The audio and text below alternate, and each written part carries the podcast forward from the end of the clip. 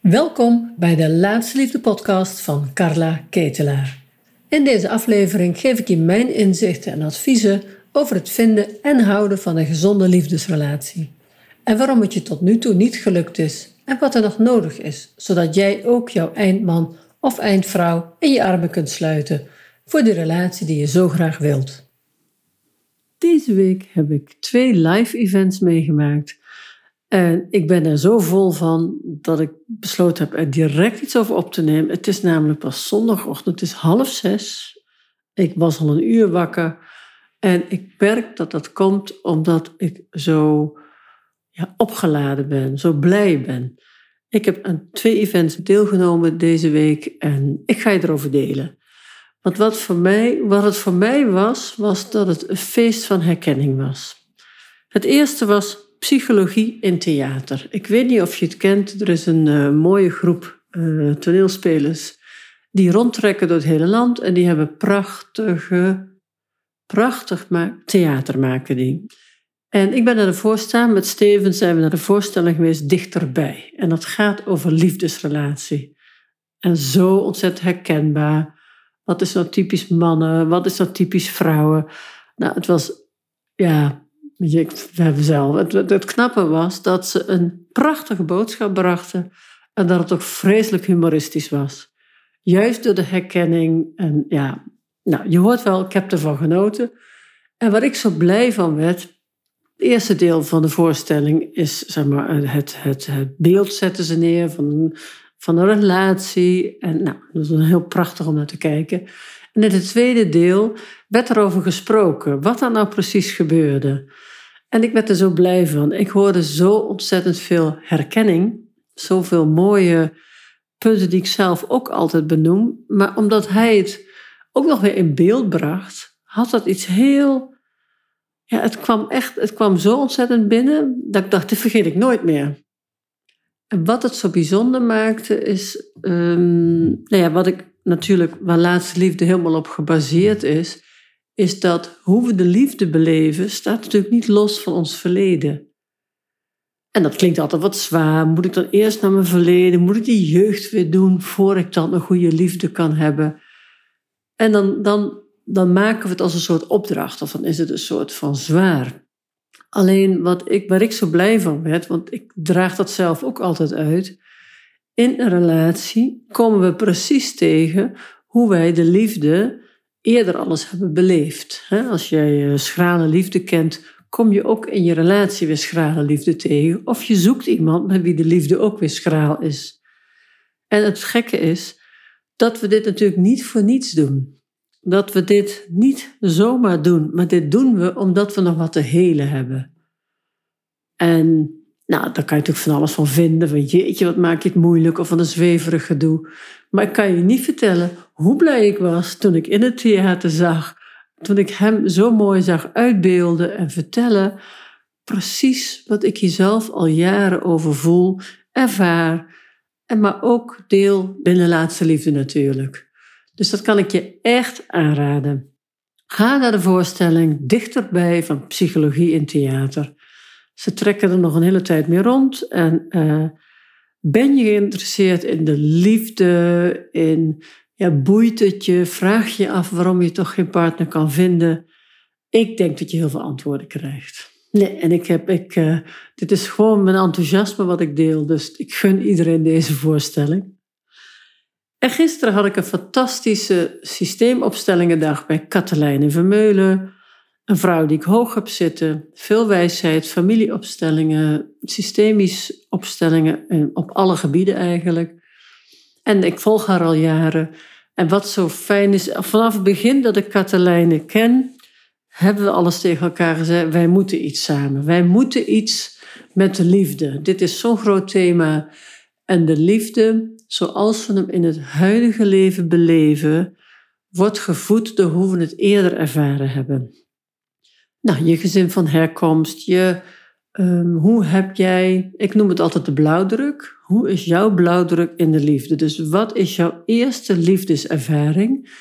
En voor ieder kind is de eerste liefdeservaring wat je van vader en moeder ontvangt. Of niet ontvangt natuurlijk, dan wordt dat je blauwdruk. Nou, en toen ik, ik, ik heb alle opleidingen nu bij Katelijnen gedaan. En wat ik iedere keer zo mooi vind om te zien, is dat het altijd met elkaar verbonden is. En wat we in het nu tegenkomen, waar we nu last van hebben, komt uit waar we eerder pijn hebben opgelopen, trauma, uh, ja, niet gezien, niet gehoord zijn. En daar baseren we onze huidige keuzes op.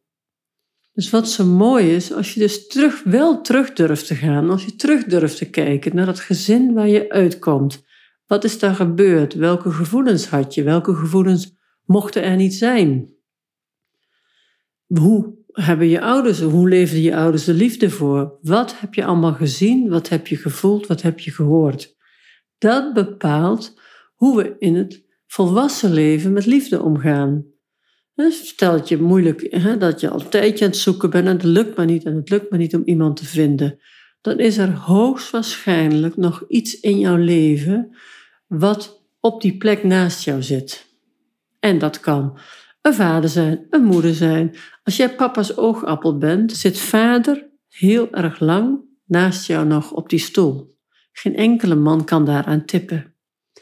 Maar even een voorbeeld. Hè? En zo zijn er heel veel situaties waarin we ons verhouden hebben tot onze ouders, die nu dus eigenlijk meespelen in jouw keuzes nu. Heb jij veel narigheid meegemaakt? Heb je ruziende ouders gehad? Heb jij nou, misschien geweld meegemaakt of andere nare dingen? Dan zul je de liefde niet vertrouwen. En logisch natuurlijk, want als je veel meemaakt als kind, creëer je een overlever. En een overlever is ja, een overlevingsstrategie, hoe je het ook noemen wilt. Een overlever is bijvoorbeeld, ik trek me terug op mijn kamertje. Ik ga lezen. Ik uh, uh, heb een ruime fantasie. Dan dissocieer je een beetje van je huidige situatie, die te pijnlijk is om in te leven.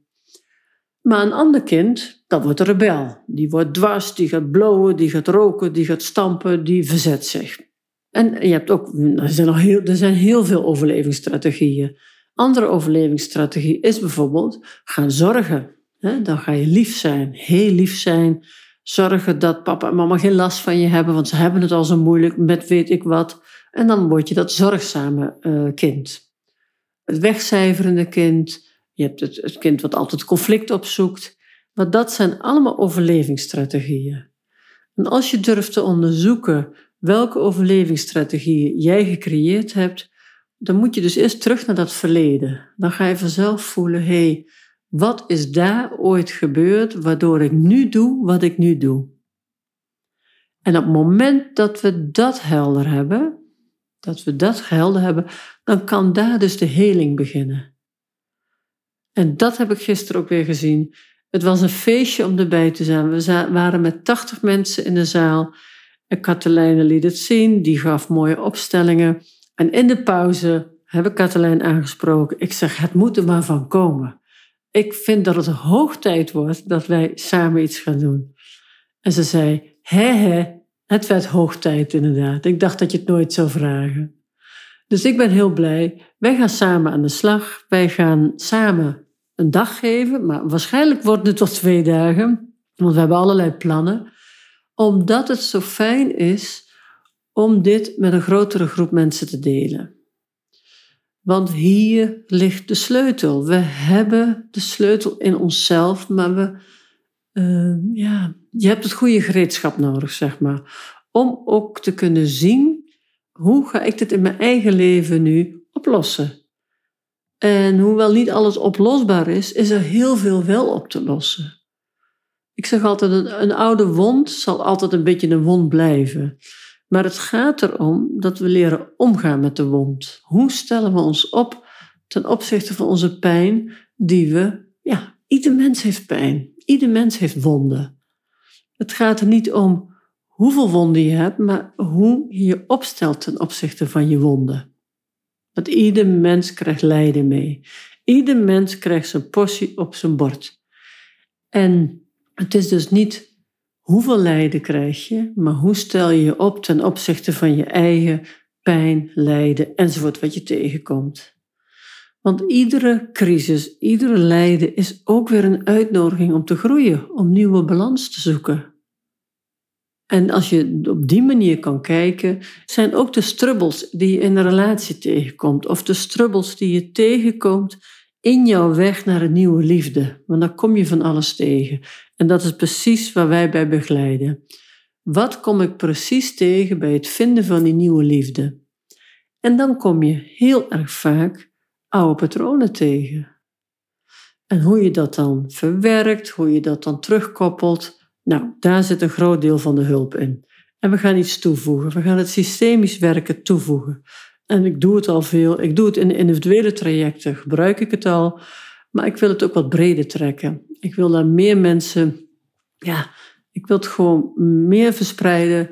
Dat liefde, de juiste liefde vinden, dat dat heel erg te maken heeft met het gezin waar je uitkomt. Jouw bron, waar heb jij jouw eerste liefdeslessen gekregen? Dat is altijd het gezin van herkomst. En hoe waren die lessen? Wat heb jij geleerd? Wat heb jij besloten voor de rest van jouw leven te geloven? Wat heb, jij besloten om mee te nemen uit het gezin waar jij vandaan komt? En we maken allemaal, nou meestal hoop ik dat ieder kind ook wel een aantal mooie dingen meemaakt thuis, vroeger. Maar we nemen ook altijd pijn en opgeslagen verdriet van onze ouders mee. Dus wat neem je mee wat je nu tegenkomt in jouw liefdesleven? Wat heb je meegenomen?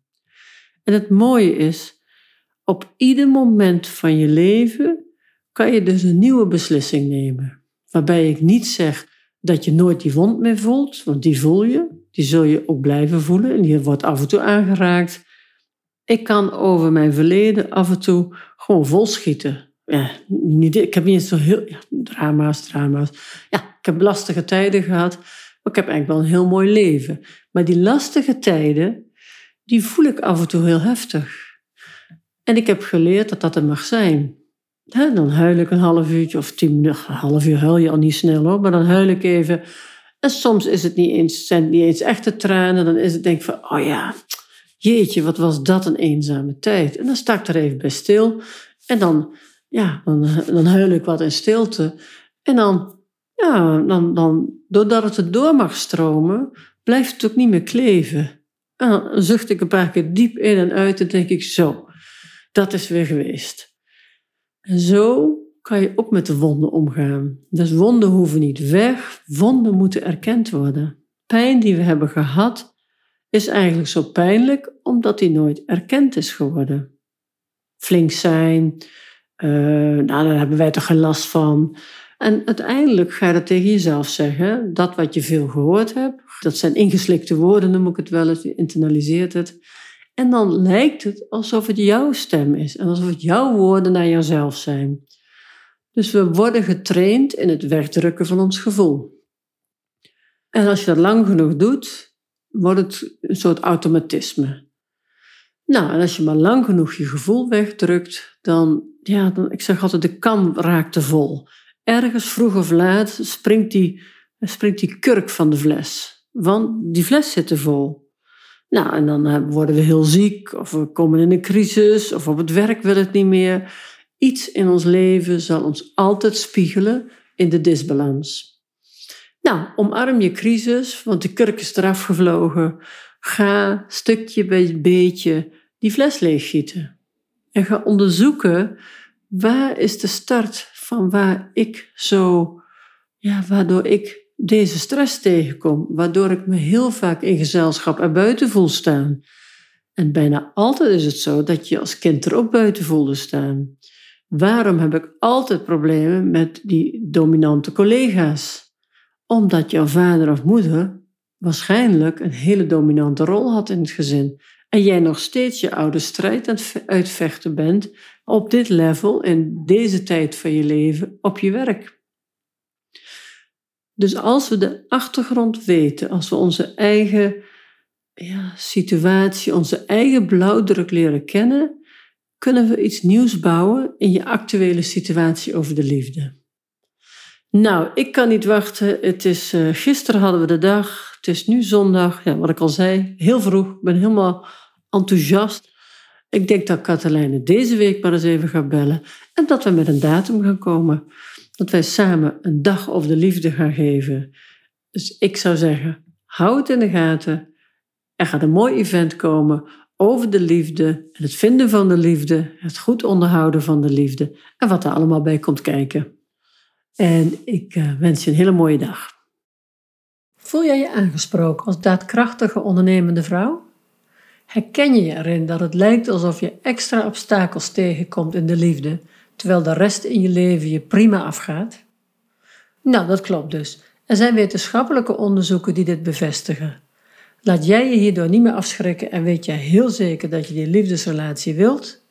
En wil je niet langer wachten op die ontbrekende schakel in jouw leven?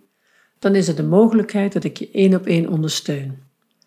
Dit is echter niet voor iedereen. Stuur me daarom een mailtje naar support het laatste liefde. Dan kom ik graag met je in contact.